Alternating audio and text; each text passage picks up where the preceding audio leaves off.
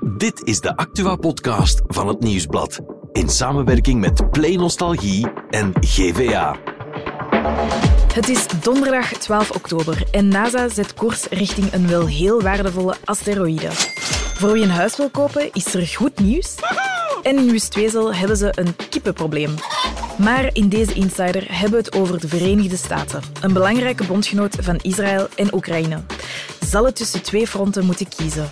Mijn naam is Laurent Stork en dit is de Insider.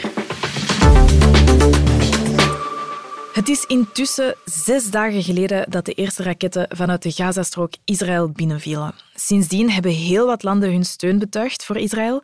En de Verenigde Staten die gingen zelfs een stapje verder en stuurden al materiaal en mankracht. Bij ons in de studio zit journalist Jeff van Hoofdstad, onze buitenlandspecialist. Hey Jeff. Dag Laurence. Jeff, de VS en Israël, dat is een alliantie die er altijd wel lijkt te zijn geweest. Nu, waarom is die band zo sterk? Die is deels historisch gegroeid, uh, na de Tweede Wereldoorlog met name.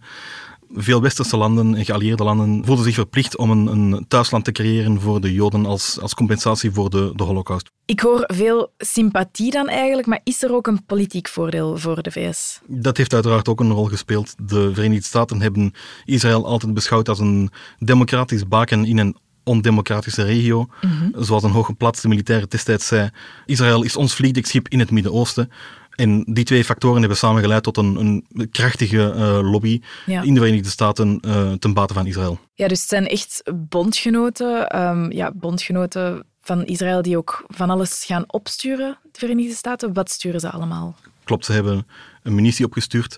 Er zijn um, special forces onderweg of al ter plaatse in, in Israël blijkbaar. Mhm. Um, er zijn een aantal gevechtsvliegtuigen uh, opgestuurd. En er zijn twee vliegtuigschepen met de bijhorende entourage die um, momenteel zich in het oosten van de Middellandse Zee bevinden. Ja, en wordt dan ook een, een leger, echt manschappen gestuurd? Dat is niet het plan en dat lijkt mij ook niet te zullen gebeuren. De Verenigde Staten hebben momenteel weinig zin, weinig politieke appetijt om zich opnieuw te wagen aan een militair avontuur in het Midden-Oosten na het recente verleden met Irak en Afghanistan. Ja, nu, we zien Israël is duidelijk heel voorbereid eh, om grote aanvallen te gaan doen.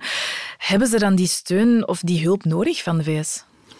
Op zich op korte termijn lijkt mij dat niet het geval. Uh, Israël heeft dus een sterk leger.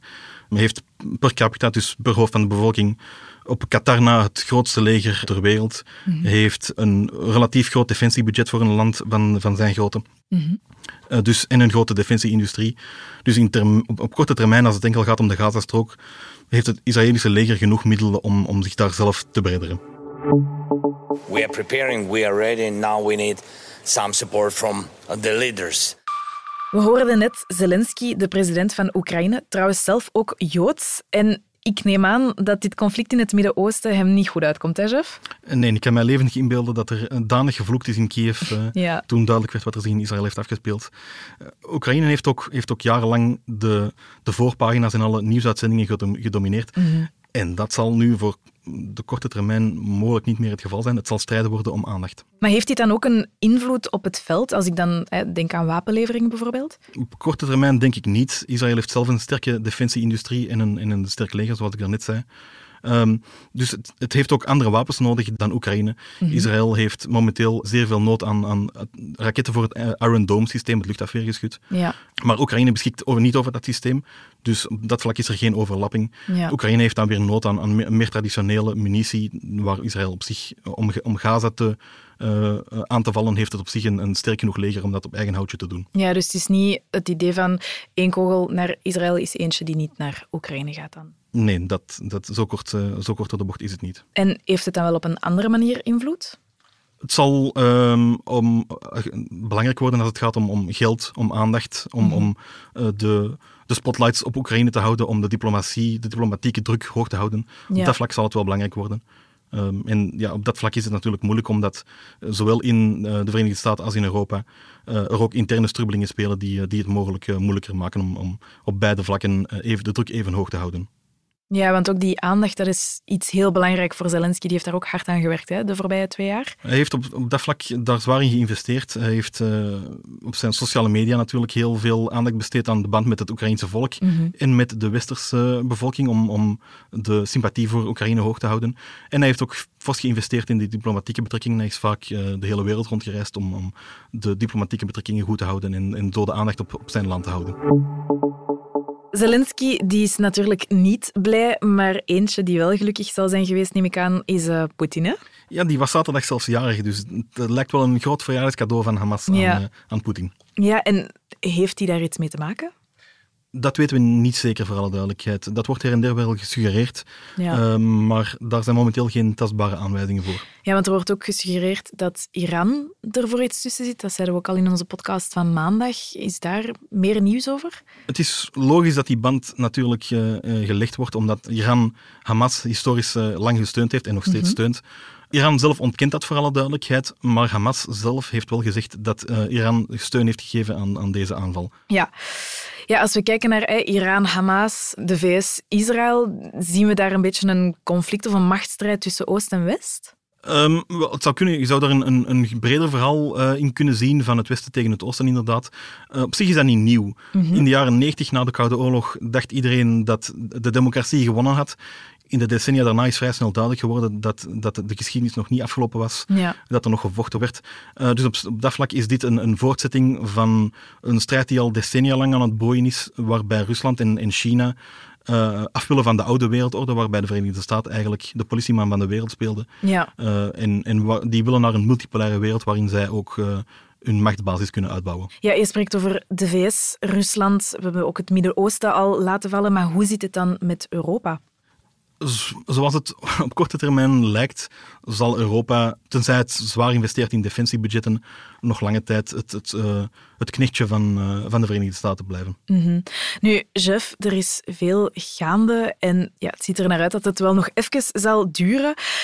Het is een moeilijke vraag, maar hoe zie jij het komende maanden evolueren allemaal? Zowel voor Israël als voor Oekraïne dan? Wel, de eerste vraag is natuurlijk wat er op korte termijn gebeurt in, in Israël. Mm -hmm. Het lijkt erop dat het Israëlische leger een grondoffensief zal starten in Gaza, ja. uh, ergens in de komende dagen, in een poging om Hamas volledig uit te roeien. De vraag is natuurlijk maar in hoeverre dat realistisch is.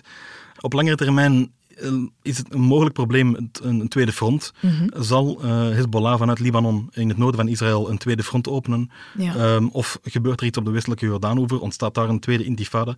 Dat zou de problemen voor Israël groten, omdat men dan de aandacht moet verdelen tussen verschillende fronten. Mm -hmm. Wat Oekraïne betreft is het antwoord eigenlijk vrij eenvoudig. Ik denk dat men in Kremlin vooral hoopt dat het conflict in Israël nog heel lang aansleept, zodat de, de aandacht en het geld en ja. de diplomatieke druk uh, verdeeld wordt tussen beide conflicten. Mm -hmm. uh, en in Oekraïne zal men ongetwijfeld hopen dat er snel een oplossing komt. Uh, hoe realistisch dat is, is ook maar de vraag. Ja. En dat de aandacht terug volledig naar, naar Oekraïne kan. Ja, dankjewel Jeff voor jouw expertise. Met plezier. Voor het andere nieuws is producer Bert erbij komen zitten. Hey Bert. Dag Laurence. Want je hebt goed nieuws over de huizenmarkt, hè? Ja. Um, Oei. Goed... Of niet? ja, inderdaad, die oei hoort, hoort, er ook wel bij. Goed nieuws, uh, in het algemeen zou je kunnen zeggen, de, de woonmarkt koelt af, blijkt uit een onderzoek. Mm -hmm. um, en de huizenprijzen dalen, maar dat wordt eigenlijk vooral veroorzaakt door de huizen ja, waar nog heel wat werk aan moet gebeuren. Huizen Mm. met een zeer slechte EPC-waarde.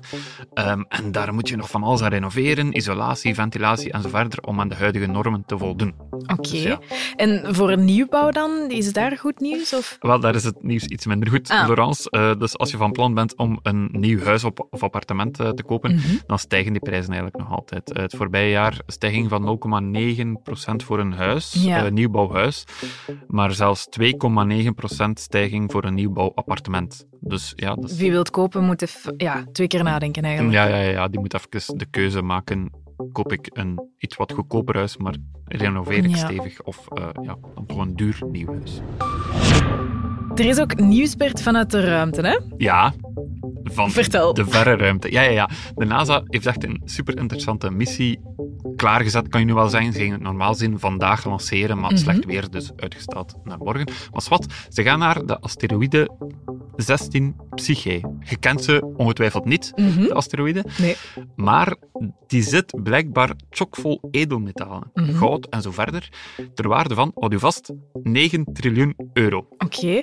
En gaan wij daar ook iets van zien, van dat geld? Ah, wel, ehm, als je die 9 triljoen euro zou verdelen over alle aardbewoners, dan zou iedereen eh, 1,3 miljard euro op zijn rekening krijgen. Dus dat Mhm. zou tof zijn. Ja, Maar ja, de vraag is, is het zo simpel? Eh, om dat naar hier te krijgen. ja, ik weet niet of dat ze een magneetje of zo aan die asteroïde kunnen vasthaken en dan naar hier trekken. Ik weet niet of dat, dat zo makkelijk gaat zijn. En dan is er nog ehm, stinkend nieuws vanuit Wustwezel, hè?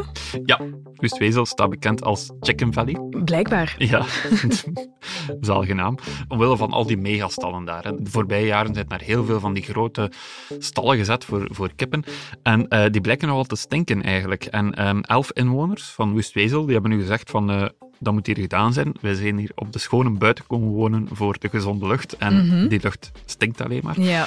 Dus die hebben de Vlaamse overheid in gebreken gesteld. En wat willen ze dan precies? Wel, dat is wel interessant. Ze vragen een Vlaamse geuroverschrijdingskaart. Is dat dan een soort van barometer, zoals... Ja, blijkbaar. Ja. zodat elke Vlaming zicht krijgt op ja, geuroverlast moest die er zijn. Dus, dus dat dat dan opgemeten wordt en dat je weet. Zoals dat je eigenlijk, als je in een overstromingsgebied Ah, ja. gaat wonen, hè, dan weet je ook wel van, oké, de kans bestaat hier dat dat overstroomt. Ja, de kans bestaat hier dat stinkt. Is dan eigenlijk eh, duidelijk. Oké, ik ben benieuwd of eh, die kaart er komt. Dankjewel, Bert. Morgen zijn we er weer met een nieuwe Insider.